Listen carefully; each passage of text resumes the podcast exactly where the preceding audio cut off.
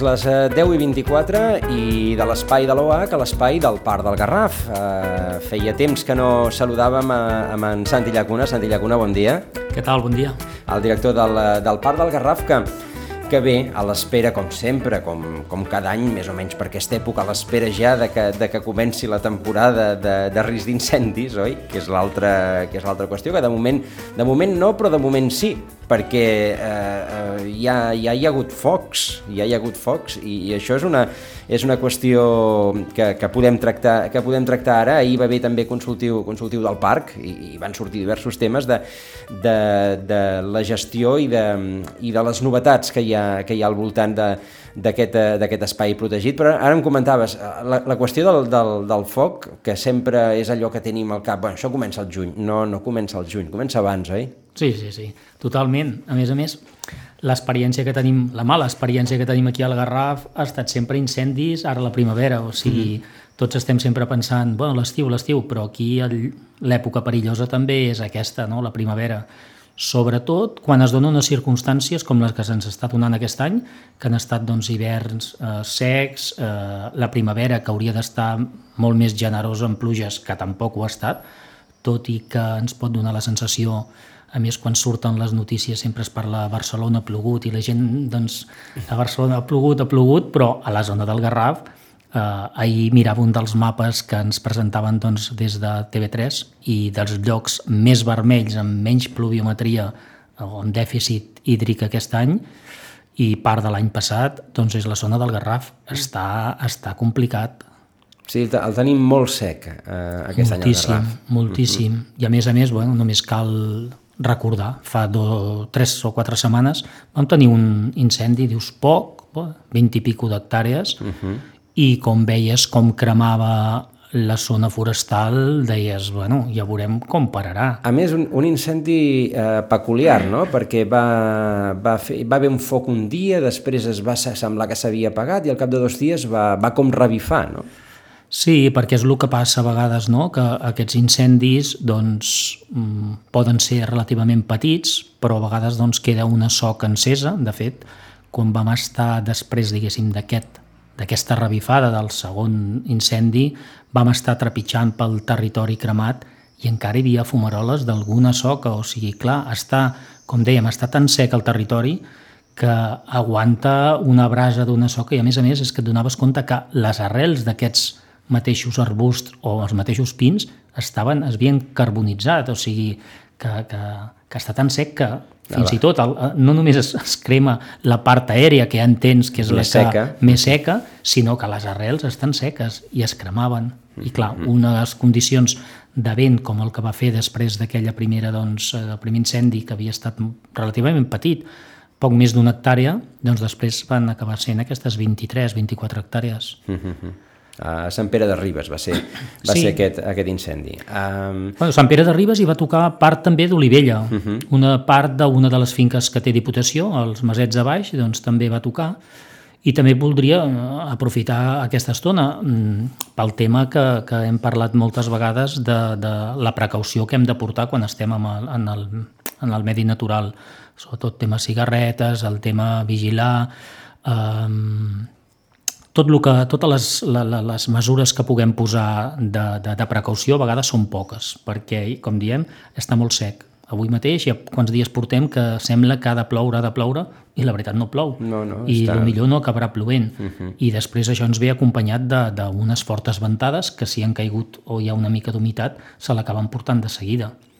I també voldria posar en valor, també, eh, de cara a la prevenció d'incendis, totes les tasques que s'estan fent amb els treballs forestals, o sigui, la finca que perimetrava doncs, part d'aquest incendi, els bombers van poder treballar força millor, tot i la dificultat, perquè la zona on es va cremar era el fons aquest de la Cova Negra, que, que molts de, dels que ens estan escoltant segur que ho coneixen, un lloc difícil d'accés, als camions, com van dur a terme l'extinció els hi va costar poder arribar fins lo més proper, però la sort també vam tenir és que es havien fet tasques, com deia, eh, forestals, de reduir combustible, obrir espais que abans havien estat doncs, eh, conreus abandonats, s'han recuperat i un dels punts clau per ancorar aquest, aquest incendi va ser poder situar doncs, tots aquests camions en aquestes zones que els hi donava una certa garantia a l'hora de treballar. No estaven al mig d'una zona forestal, sinó que estaven en una zona doncs, àmplia, d'espai obert, amb, amb gens de combustible. Uh -huh. Sí, certament la Cova Negra, i qui, i qui s'ho conegui, és una zona que, que el bosc ha crescut eh, a l'ample, eh, gairebé no, sense gestió forestal i, i per tant, doncs, eh, clar, fins que, fins que s'ha arribat a, en aquesta zona dels masets, que probablement sí que, que llavors allò, allò està una miqueta més, més cuidat, però clar, hi ha, hi ha zones al Garraf que, que clar, si entra, si entra el foc allà... Mm, Exacte. Hi ha zones al Garraf que després dels incendis 82-94 estan molt espesses, el uh -huh. sotabosc ha crescut, les pinedes estan molt tupides i, per sort, mm, doncs les finques de Diputació s'ha pogut fer aquesta gestió forestal. Per altra banda, tenim cavalls, cabres, ovelles mantenint aquest sotabosc i després també l'Associació de Propietaris Forestals de, del Garraf està ajudant moltíssim a fer aquestes aclarides i fer aquest aprofitament que també el que està aconseguint és treure combustible de cara a un possible incendi. Per tant, eh, la campanya de tota manera comença, entenem, el mes que ve, el juny, com sempre, eh, amb, diguem, en el format habitual, no? Sí, sí, el format és el mateix, les torres de guaita...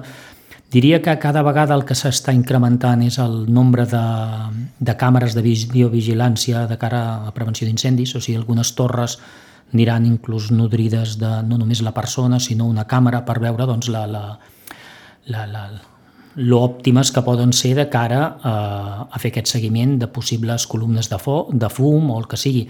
De totes maneres, està clar que després de totes aquestes càmeres, que sembla ser que entre ADFs, bombers, hi han com més de 20 càmeres en aquest territori, però després hi ha, hi ha d'haver les persones validant aquestes, eh, diguéssim, aquestes imatges. És a dir, el, el factor humà no, no, no, no desapareix per no, la incorporació d'un factor tecnològic que sens dubte ajudarà. Està clar. Mm -hmm. I des de les torres, això ho hem dit moltes vegades, el fet d'estar des de les torres, que ara doncs, veurem també si amb les càmeres doncs, es pot anar eh, substituint, però el fet de triangular entre un parell de torres localitza molt ràpidament el punt de l'origen o el punt de, de, de l'incendi.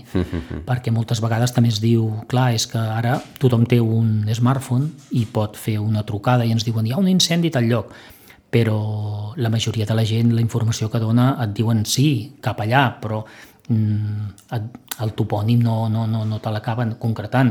Si et truquen unes quantes persones, doncs segurament que, que, que pots localitzar o pots ubicar més fàcilment però no ens hem d'oblidar que siguin càmeres, siguin persones en torres de guaita, necessiten tenir aquesta experiència o el que mira aquestes imatges necessita una experiència per poder-ho eh, ubicar exactament, perquè ho hem dit sempre, eh, els incendis, eh, els minuts que puguin passar des de que a l'origen fins la primera, diguéssim, abocada d'aigua, per sigui per helicòpter o sigui per medis terrestres, és clau. Vull dir, uh -huh. cada vegada et va avançant més, agafa més temperatura i és una bomba. D'acord.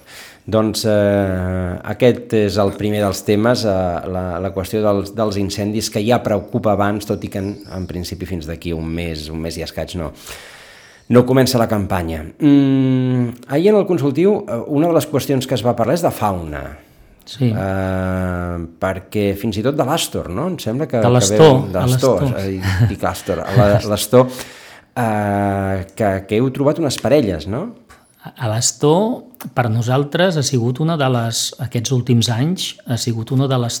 A veure, és una, és un, són exemplars que, o parelles d'Astor sabíem que n'hi havia, però ara estem fent seguiment amb, amb càmeres i alguns dels nostres guardes i, i persones doncs, enteses en aquest tema s'han dedicat a fer aquest seguiment i et dones compte que en tenim molt més dels que ens podríem imaginar. Per què? Perquè és una espècie fugissera, així com la, la cuabarrada és una espècie que la veus des de molt lluny, els aligots també els veiem de lluny, però l'astor passa molt desapercebut en zones forestals, caça dins de les zones forestals, o sigui, pràcticament no els acabes ni veient. I, i en tenim amb moltes parelles, la veritat. Eh, ahir em sembla que em vaig llançar dient que hi havia unes 15, però és que m'agradaria acabar la campanya de nidificació per, per confirmar les parelles que tenim, però és, és important.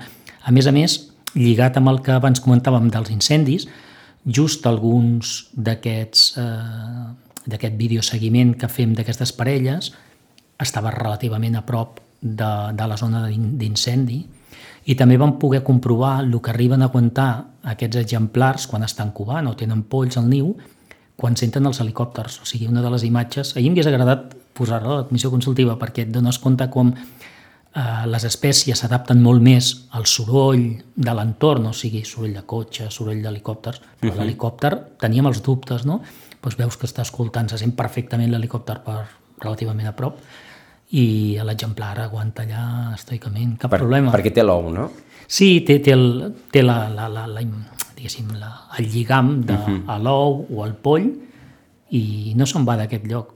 I penso que l'estratègia de la majoria de les espècies en aquests territoris més antropitzats uh -huh. acaba sent la de, o sigui, no que el destorb humà l'afecti el menys possible. D'acord. Si no toleren això, possiblement algunes espècies es trobaran molt més relegades o poden arribar a desaparèixer. Mm -hmm. Perquè, és, sí, estratègia de supervivència, ignorar l'humà. Sí, exacte, ignorar, vull dir, incorporar-lo sí. com un més de, del territori. Mm -hmm. Que veure, que tampoc està malament, perquè en el on estem nosaltres, ahir també ho parlàvem, la gran quantitat de gent que en fa ús d'aquest espai natural, que per nosaltres és fantàstic, a vegades eh, costa una mica el fer-ho compatible, la conservació amb això, però penso que també és, és, és important la tasca que puguem fer nosaltres de dir per on o quins llocs creiem que la gent pot o hauria anar i altres llocs que doncs, cal preservar perquè aquesta fauna, tot i que pugui tolerar la presència de, fins a un cert punt, no? Uh -huh. I, i això doncs, és, és, és la nostra tasca. Um, hem, hem tornat ja a les dades prepandèmiques? Després de, de, de, de freqüentació, em refereixo. De freqüentació, eh? jo diria que les, eh, les estem superant amb escreix. Eh? Sí. sí. En el moment de pandèmia jo diria que la vàlvula d'escapament per la majoria de, de, les, de, de, de la gent que viu en, el, en aquests municipis que voregen el parc es va incrementar moltíssim. Uh -huh. O sigui, el, el parc la gent l'havia escoltat, sabia que existia el parc del Garraf, però això jo ho, ho hem parlat moltes vegades. Sitges, Vilanova, potser que són dos, dos municipis dels grans, i hi ha un percentatge important de gent que coneixia el parc, però molt altre que no. Però el moment que diuen que no pots sortir d'aquí i la vàlvula d'escapament acaba sent, doncs mira, però al parc sí que podem anar, és un lloc obert, podem estar passejant per un munt d'itineraris que hi han, la gent el va conèixer i després de conèixer-lo diu i per què no hi tornem ara més sovint? I la veritat, ara mm, és un dels temes que segur que també serà els que ens tocarà veure quin tipus, si, si és que s'escau, de fer una regulació. Però veiem que els aparcaments del parc els caps de setmana queden molt plens. Ara mhm. fluixarà, perquè en el moment que la temperatura millora, les, la gent va més cap a la platja, però aquests, aquestes èpoques d'impàs de l'hivern a l'estiu doncs són èpoques d'una afluència important. Jo diria que aquests dies, jo alguna vegada que he vingut al parc en cap de setmana, intento agafar alguna via també alternativa, no pujar, per dir alguna cosa, al coll de la fita, que entre ciclistes, vianants, cotxes, eh, acaba fins i tot embussant-se. Mm -hmm, cert. Uh, de fet, eh, clar, no, no arribem a, a, al problema que han tingut, per exemple, al Montseny, que allò és... Sí, sí, allò va ser... És barra lliure, oi? Sí, sí, sí. És molt... Però sí que s'ha notat un increment com en la resta d'espais naturals de, de Catalunya, però aquest, clar, de fet hi viu molta gent al peu i per tant doncs és fàcil d'arribar-hi. Clar, és molt, molt fàcil. El que uh -huh. passa que, clar, com el Sant Llorenç o Montseny, el Parc del Garraf està conegut uh -huh. per molta menys gent, però com dèiem ara, en ve moltíssima. I estem molt, estem molt contents de que la gent és prou respectuosa. Mm, no ens hem trobat encara amb aquells problemes com sortien al Montseny, gent que té ramats d'ovelles, alguns cavalls, els gossos sols... Bueno, no, no, no vull dir eh, que aquí també la gent que ve amb els gossos no els deixi sols, perquè no ho hauria de fer, els hauria de portar lligats, perquè em fa una salvatge que la pots destorbar, no només a les cabres, ovelles i els cavalls, però bueno, a poc a poc jo penso que la gent és, és prou respectuosa. Tampoc hem tingut... Diria que vam tenir més incidents just la pandèmia perquè estaven les sales de, de festa tancades i acabaven utilitzant una mica el parc per un, com a plataforma per fer botellots. Uh -huh. Però, bueno, les circumstàncies van ser les que van ser i també no vull dir que els vulgui excusar, però bueno, també entens que la gent necessitava allò sortir. Alguns van deixar ampolles i van fer una mica d'una bretolada, però també altres van fer les festes i es van emportar el, les seves restes. Vull dir que... Bueno, hi ha de tot. Hi ha de tot, exactament. a tot arreu. Per cert, eh, eh, abans, eh, fa un momentet parlàvem de, de la qüestió de la fauna. Eh, com tenim les cuabarrades? La, la coabarrada, la veritat és que avui al venir em dic, ostres, els hi comentaré una, una notícia super, super interessant, no? Jo portava treballant aquí des del... Bueno, porto treballant des dels anys 90 i quan vaig arribar hi havia un parell de... dues parelles i vam aconseguir que hi hagués una altra per, amb millores d'hàbitat que s'ha anat fent uh -huh. i em va semblar que, bueno, és, és, és que és molt pel territori que estem parlant de 12.000 hectàrees i ara és que n'hi ha una altra, ara en tenim quatre parelles. Quatre parelles representa que és un 5% de la població de coabarrades de Catalunya. Clar, si parlem, pensem que en aquest espai n'hi ha aquestes quatre, la veritat que, que estem contents, estem contents perquè, com hem dit altres vegades, no? quan estem analitzant o estem veient com estan les espècies que estan al cim d'aquesta piràmide tròfica, que estan com els superdepredadors, que són les àligues mengen altres depredadors, com poden ser, no sé, mosteles, algun altre carnívor petit, i veus que aquesta població es manté o ha augmentat, doncs la veritat que et dona, et dona l'alegria de dir, bueno, mira, la gestió que s'està fent eh, inclús ha superat les nostres expectatives. Veurem també el que dura, eh? vull dir, això s'han de... Les parelles van diguéssim, enfrontant-se entre elles... Mm, no pel territori, pot, clar. Pel territori, clar, el mm-hmm. territori és el territori. I si els territoris estessin molt plens de, o hi hagués moltíssim o sobrés molt aliment, dius, n'hi ha per tots, però quan l'aliment és el que hi ha, jo diríem ara que estem quasi bé per sobre de lo que podríem esperar. Mm -hmm. Però si per són... És que si, si, si venen és que s'hi troben bé. Exacte. I deuen estar prou tranquil·les, el mm-hmm. menjar mm -hmm. doncs se'n troben, i la competència entre la resta de parelles doncs, tampoc deu ser tan, tan important com perquè no acabin poguent viure-hi. Però també és cert que no tots els quatre hauran tirat endavant els polls, possiblement només n'hi haurà tres, però bé, tirar endavant tres parelles, si acaben pujant un o dos polls, serà un èxit eh, mm -hmm. important. Per tant, contents en aquest sentit dels, sí. eh, de les cuabarrades i d'aquesta presència de quatre eh, parelles com, eh, inèdita, sí, sí. com a mínim fins, eh, fins ara. Um, recordo també es va parlar de la, de la qüestió de l'abocador, fa res, fa uns mesos es va doncs, anunciar la, ja, les, les obres de, definitives de la, de, de, la, de la clausura de la, de la part de dalt, per entendre'ns, tot i que tot sotmès als estudis de, de, del buidatge del que hi ha per la, per la part de sota. Um, com està, uh, tot i que fa, evidentment això no ho porta al parc, sinó que el parc simplement envolta aquest, uh, aquest espai, però evidentment aquest espai influeix sobre, sobre el parc, com, uh, com influeix el que aquest tancament, uh, tant a nivell superficial com, com a nivell de, de subsol. I, i... Sí no, a veure, la veritat és que el segellat de l'abocador, que és el que ara, doncs, com comentaves, s'ha acabat realitzant, eh, ara farà un any, el que va comportar també és que, clar, quan abans tenies doncs, un volum monstruós d'escombraries soterrades que van generant matar, es va descomposant, surten lixiviats, eh, aquests gasos mentre no estés impermeabilitzada la superfície, mm. perquè clar, l'objectiu d'impermeabilitzar la superfície era perquè els lixiviats no es dissolguessin encara més amb, amb l'aigua, diguéssim, de pluja que entrava per dalt. El fet de segellar-ho no deixa de ser un olla a pressió tancat, eh, hi va haver un impàs amb acabar de fer tots els, diguéssim, els respiradors on surt el metà per poder-lo aprofitar per donar energia, doncs aquesta olla a pressió, els seus gasos generats van acabar sortint. I per on surten? Doncs per on hi hagi una escletxa. L'escletxa va ser els avencs, la majoria d'ells, i per algun altre indret.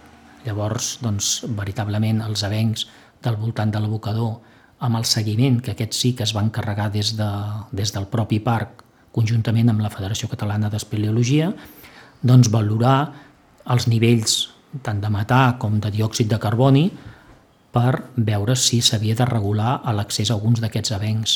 I així es va fer. Alguns d'aquests avencs estan tancats. A la mateixa pàgina de la federació van sortint quins són aquests nivells de metà i d'oxigen i de CO2 per les per, diguéssim, per fer l'espeleologia o per realitzar l'espeleologia i el que es recomana és que ara, per ara, encara no es baixi en aquests avencs més propers a l'abocador. Um, a partir d'aquí veurem com va evolucionant. La veritat és que van oscil·lant bastant els nivells d'aquests gasos, però entenem que en el moment que totes aquestes, doncs, aquestes sortides d'aquests gasos per al propi abocador ja eh, fan la seva funció i es desgasifica, entenem que anirà baixant, però eh, la part subterrània, que hi ha doncs, aquests lixiviats, els lixiviats segueixen sorgir, sortint. Eh, des de l'AMB es va encarregar, jo diria, un, un, un estudi molt potent, molt interessant, i que ha de donar o ha de tenir una continuïtat, perquè no té sentit. Avui ara tenim unes dades de com es trobaven aquests lixiviats en diferents llocs de la Falconera, que això ho havíem parlat en altres ocasions, no? que una d'aquestes urgències que es havia contaminat era la de la Falconera, doncs es van seguint fent aquests anàlisis, uh -huh. I ahir doncs, també ens va servir per dir mm, lo interessant és que tots aquests resultats poguessin estar mm, eh, d'una forma més continuada i poder-los anar observant, sobretot per la gent que està molt vinculada en aquest territori, des de la UME de, de Gavà, des de Sitges mateix, perquè, perquè part d'aquest territori doncs, acaba sent o acaba desguassant aquestes urgències a Sitges, en alguna de les zones més properes a platges, i doncs anar fent aquest seguiment. A veure, eh, serà complicat, serà complicat perquè això no només surt a la Falconera, segur que hi ha altres urgències que poden inclús desguassar més a dins a mar, però la voluntat, si més no, de posar-hi solució, sigui mm, no sé quin serà el pas, eh? però a millor aquestes lixiviants abans de que desguassin poder-los tractar, bueno, s'hauria de buscar quina és la solució. Uh -huh. I la part que nosaltres hem incidit més, que és la que doncs, potser també ens pertoca més en quant al tema paisatge i gestió d'aquest territori en el moment que ja s'ha deixat d'explotar l'abocador o el dipòsit controlat de la Vall de Joan, ha estat la part superficial. I la part superficial eh, ha estat fantàstica. Vull dir, tot el projecte de restauració, que fins i tot es va modificar l'originari dels anys 2000, eh, tenim ara un paisatge en ple amb perdiu, conill, eh, les basses que s'han fet artificials plenes d'amfibis, la veritat que és una, és, és un espectacle, uh mhm. -huh. és un espectacle. És a dir, la part, la part de dalt ha quedat molt bé, sí. eh, tot i que eh, la part de baix doncs, aquest, hi ha aquesta bomba que, que no sé, clar, al final, quan, quan parlàvem amb la gent de, de l'EMB, eh, clar, ens trobem amb una, amb una espècie de potser de problema irresoluble, és a dir, allà, allà es van fer les coses que no s'havien de fer i ara doncs només podem aplicar-hi pal·liatius.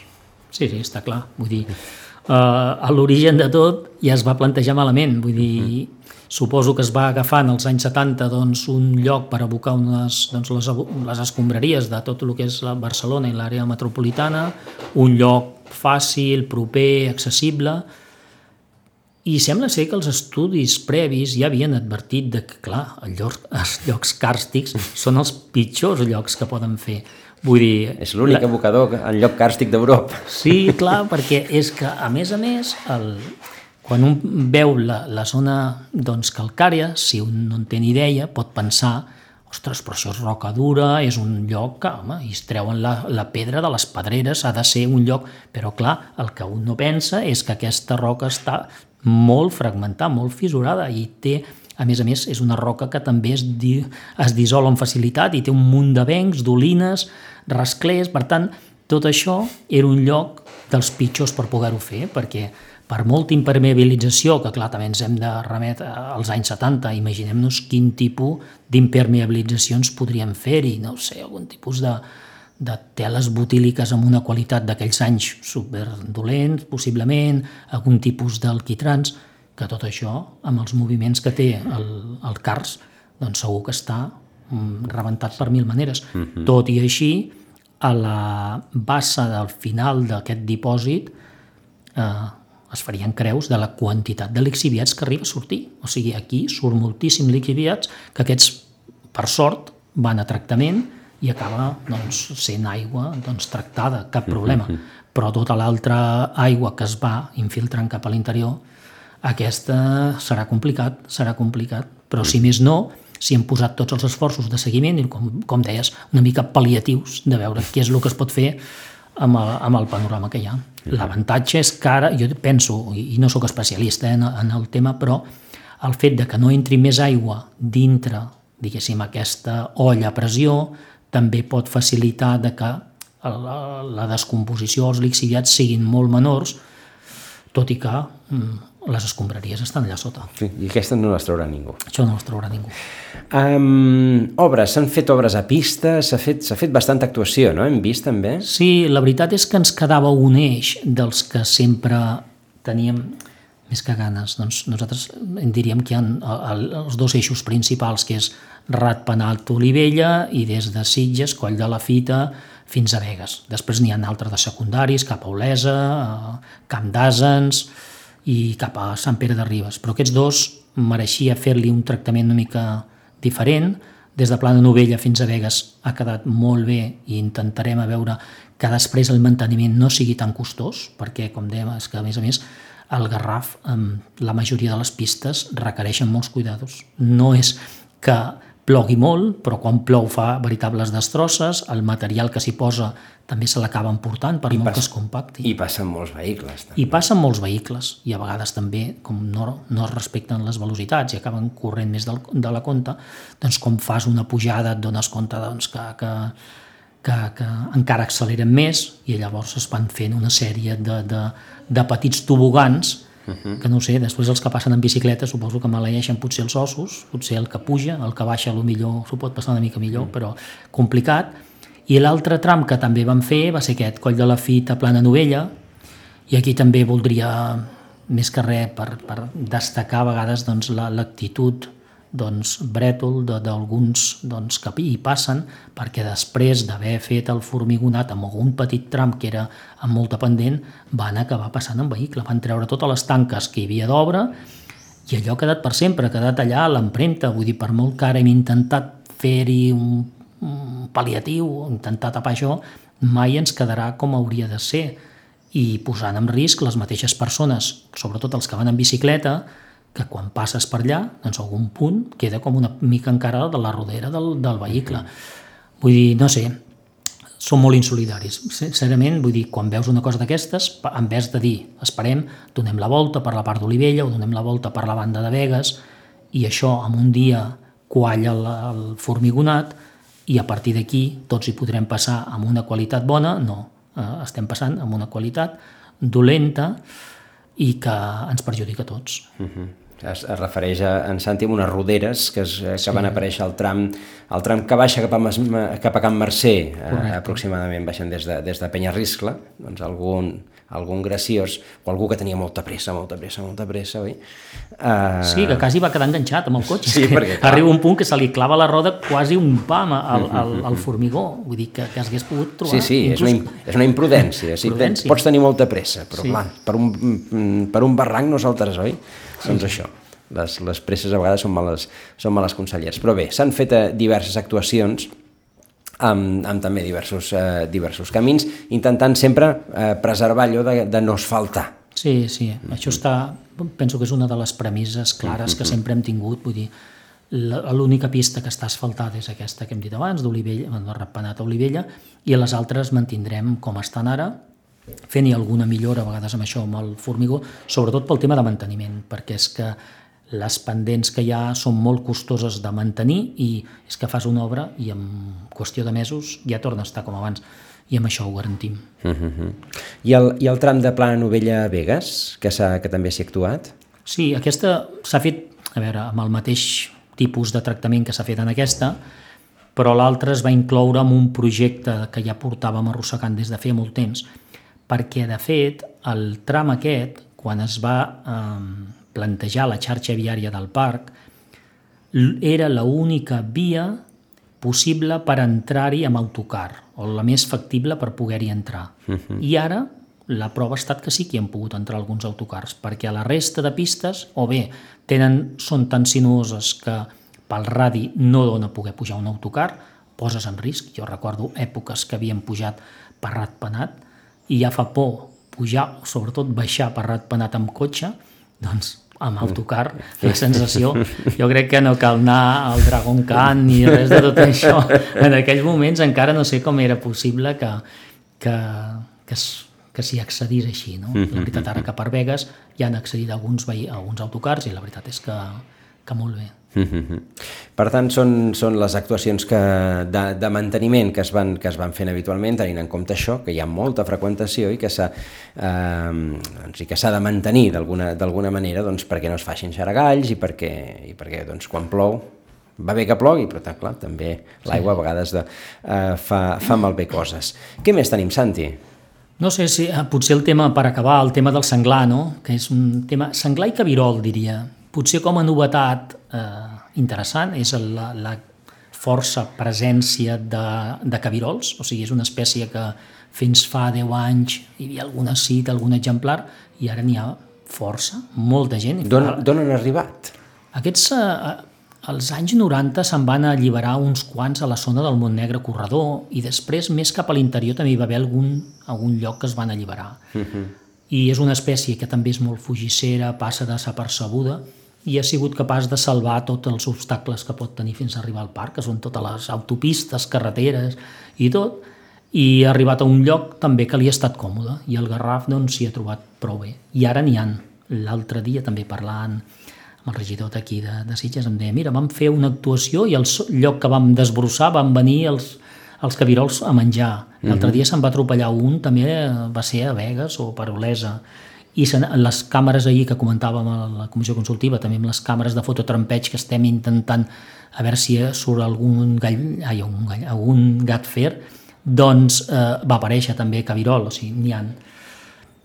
De moment, a veure, la població que hi ha no és molta, però també serà una, una que posarà una mica de pressió amb alguns dels conreus, sobretot vinyes, perquè per, volíem parlar del senglar, que n'hi ha molts i costarà controlar la població pels danys per l'impacte sobre la mateixa població, pels accidents que poden ocasionar vehicles, però el, el cabirol, el fet de menjar brots tendres, veurem quin serà l'impacte també amb algunes de les vinyes que hi ha en aquest entorn. Vull dir, tot el que ha sigut aquest tancament eh, electrificat en alguns dels casos, en algunes vinyes pel senglar, que això normalment es feia més a prop de la barema, quan el raïm ja madurava, a partir potser del juliol, agost, s'haurà d'avançar, potser haurà d'estar tot l'any, perquè el, el cabirol és possible, veurem l'impacte que tingui, mm -hmm. estem en contacte amb els mateixos doncs, gent que té vinyes i això, que ens vagin informant de, de com està. I el senglar, bé, és una espècie que n'hi ha cada vegada, doncs la població no baixa, les batudes que es fan eh, sí que eliminem uns quants exemplars, però n'hi ha molts més, es reprodueixen, jo diria, més ràpid que el va, que acabem controlant. Sí, va, anava a dir, va, va més ràpid la reproducció que, que no l'eliminació. Sí, sí, i a més a més, el, el, fet, el, el diferenciador d'aquesta espècie i que per això també prolifera, a part de que ara no es fa aquest aprofitament forestal tant com requeri, requeriria, o sigui, abans n'hi havia menys també perquè no tenien tant refugi, ara en tenen molt més, però és que a més a més s'han acostumat a menjar contenidors, uh mhm. -huh. gent que, li, que, que els acaba donant menjar, cosa que és el pitjor que poden fer, a més a més són animals sí. salvatges, això jo ho dic moltes vegades, cura amb els senglars perquè és un animal salvatge, igual que et relaciona tu, també algun dia relacionarà un que ve de, a comprar amb una bossa i sap que dintre la bossa hi ha menjar, vull dir, igual et pot atacar per menjar-se el que portes a la bossa, vull dir, aquesta relació que té ara el senglar persona, bossa, menjar, això es pot tornar en contra i això sí que recomanaria i és que està prohibit, però a més a més recomano per, per tota les, la gent que pugui viure a la perifèria del parc o al parc dir, a cada dia els hi donem pa, els hi donem no sé què, això no ho feu. Si hi ha senglars han d'alimentar-se amb el que hi ha en el territori, mai amb el que està relacionat amb l'home. Tots, els, mm-hmm. tots els animals que tenen relació amb l'home ten, acaben tenint problemes i a més s'han acostumat a l'home amb molta facilitat també. Sí, eh, passegen per l'entorn urbà sense, sense cap mena de problema. Sí, sí, et planten cara, vull dir, quan està van amb cries, et planten cara i dir, eh, aquest és el meu territori, vull dir, distancia't. Doncs eh, Santi Llacuna, eh, esperant la temporada de d'hivern, ai, perdó, la temporada d'estiu, la temporada d'incendis, eh, ja n'hem tingut algun i, i preparant, com sempre, doncs, eh, el parc perquè, per esperar, doncs, per una banda, que, que passi bé l'estiu i per una altra banda, doncs, que s'acullin bé tots aquests visitants que cada cop amb més freqüència i sobretot els nous visitants que van descobrir el parc durant la pandèmia, mm. doncs hi puguin, hi puguin passar bé. Uh, Santi Llacuna, moltíssimes gràcies. Moltes gràcies a vosaltres per convidar-me. I, com sempre, doncs, d'aquí un temps també uh, tornarem a recuperar l'espai de, del Parc del Garraf.